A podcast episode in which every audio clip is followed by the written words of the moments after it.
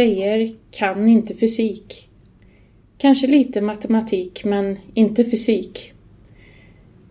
Jag heter Annika Thyberg. Jag jobbar på utvecklingsstöd som matematikutvecklare. Jag är uppväxt i Skara på 70-talet i skolan som påstås ha högre resultat i PISA än hur resultaten ser ut idag. Att uttalanden som att tjejer inte kan fysik retade mig och jag bestämde mig för att så får det bara inte vara. En av mina pedagogiska ledstjärnor idag är just att se potentialen i varje individ och låta den växa. Med rätt verktyg om hur just du vill och kan lära dig är det viktigt att finna i varje individ. Orättvisor får bara inte finnas. Jag tror nog inte att Hans-Åke, att just du var en särskilt ond person och lärare utan att detta var lite av den tidens, tidens syn på tjejer och kunskap. Men tjejer kan. Och jag har 57 högskolepoäng i fysik. Ja, jag fick kämpa ganska hårt för dessa poäng eftersom alla mina frågor från högstadiet behövde ställas och diskuteras. Vygotskis syn om att utveckling sker genom relationer är en gammal insikt. Men när Piaget väcker liv i dessa tankar på 80-talet så borde även Hans-Åke haja till lite. Att lära sig genom rika diskussioner tror jag väcker allas nyfikenhet och engagemang i klassrummet. Under mina studier på lärarutbildningen började min verktygslåda att byggas på med användbara verktyg att nå alla elever i klassrummet. Att lyfta dem där de befinner sig. Jag lägger gladeligen till Carol Dweck, Dylan William, Christian Lundahl, John Hattie, Linda Sheffield och P.O. Bentley för att nämna några utav dem som har influerat till den här verktygslådan.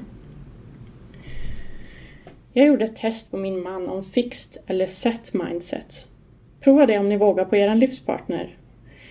Detta ledde oss till samtal om tjejer kan inte fysiktanken och hur open-minded man egentligen är i vardagen. I mitt klassrum har jag modeller på sätt att öppna upp ditt sinne till lite mer öppen att lära dig nya saker och du klarar mer än vad du tror. Din hjärna är inte en klump som inte går att utveckla eller att du är född med en viss mängd av kapacitet som kan användas. Vi måste träna vår hjärna och inse att den behöver motioneras. Bentleys modeller om att ställa krav och förväntningar som du klarar av inspirerar mig i alla utmaningar jag ställs inför. Jag tänker på en konferens under sommaren 2015. Världskonferensen för särskilt begåvade barn. Hej! Vi ber om ursäkt till att ditt bidrag till att föreläsa på världskonferensen tyvärr fallit ur vårt system, men ber om överseende om detta. Detta är korrigerat och du är välkommen att föreläsa på världskonferensen om två veckor på engelska. Bla, bla, bla, bla, bla, bla, bla. Eh, där slutade jag fungera i min hjärna. Hmm. Vad har jag? Vad kan jag? Klart jag fixar det här. Hur många kan det vara på en världs... Ja, just det. Engelska.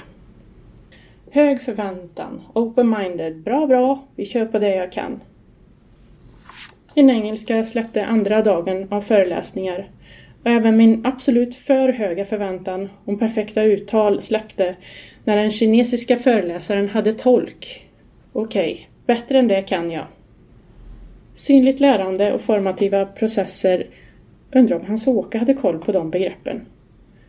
Att se var man befinner sig och låta eleverna se varandras utvecklingsmöjligheter är områden som jag tycker är intressanta på ett besök på matteklubben i Uppsala var eleverna drillade i att förklara hur de hade tänkt så att någon annan förstår hur de har tänkt. Missar man förklara detta så var det alltid någon som påpekade Har du frågat om vi har förstått? Underbart tycker jag. Underbart är det också att dessa barn som har stort intresse för ett ämne, precis som andra idrottsaktiviteter som hockey, fotboll eller kulturella aktiviteter som måla eller dansa eller dreja, inte vet jag, vi måste låta alla elever få lyckas inom klassrummets ram och det finns sätt att jobba på som gynnar alla. Det kan man inte säga nej till eller vara skeptisk till. Även fast just särskild begåvning börjat etableras i Sverige så har vi en bit kvar att gå. Att hitta verktyg för lärandet och att ha en hög förväntan på varje elev är mina ledstjärnor i mitt arbete till att nå en högre måluppfyllelse med eleverna och till en högre kvalitet i skolan. Dessa ledstjärnor har tagit mig vidare till nya utmaningar sommaren 2016. Med skyhöga förväntningar så har jag fått möjligheten att studera vid Stanford University till sommaren 2016. Jag får vara vid samma universitet som Joe Bowler som undervisar Math Success and Growth Mindset. Under två veckor ska jag få lära mig att utveckla mina verktyg och teorier för att nå alla i klassrummet och bli en bättre lärare. Tjejer kan inte fysik men han sa att här kommer jag och jag ska försöka att få varje elev att känna att den når så långt den vill och att den räcker till som den är. Jag har den stora förmånen att få arbeta halva min tid på utvecklingsstöd på barn och ungdomsförvaltningen i Karlstad som matematikutvecklare och på Rudskolan i Karlstad kommun. Min förhoppning är att få vara med och utveckla matematik som förändrar på riktigt i klassrummet och att även jobba med Karlstad kommuns strategi, en kommun att växa i och att jobba för värdegrunden, vi har fokus på lärande, vi når goda resultat. Jag vill stötta samtlig personal till att låta barn utvecklas så långt som det bara kan, att ha en hög förväntan på varje nivå.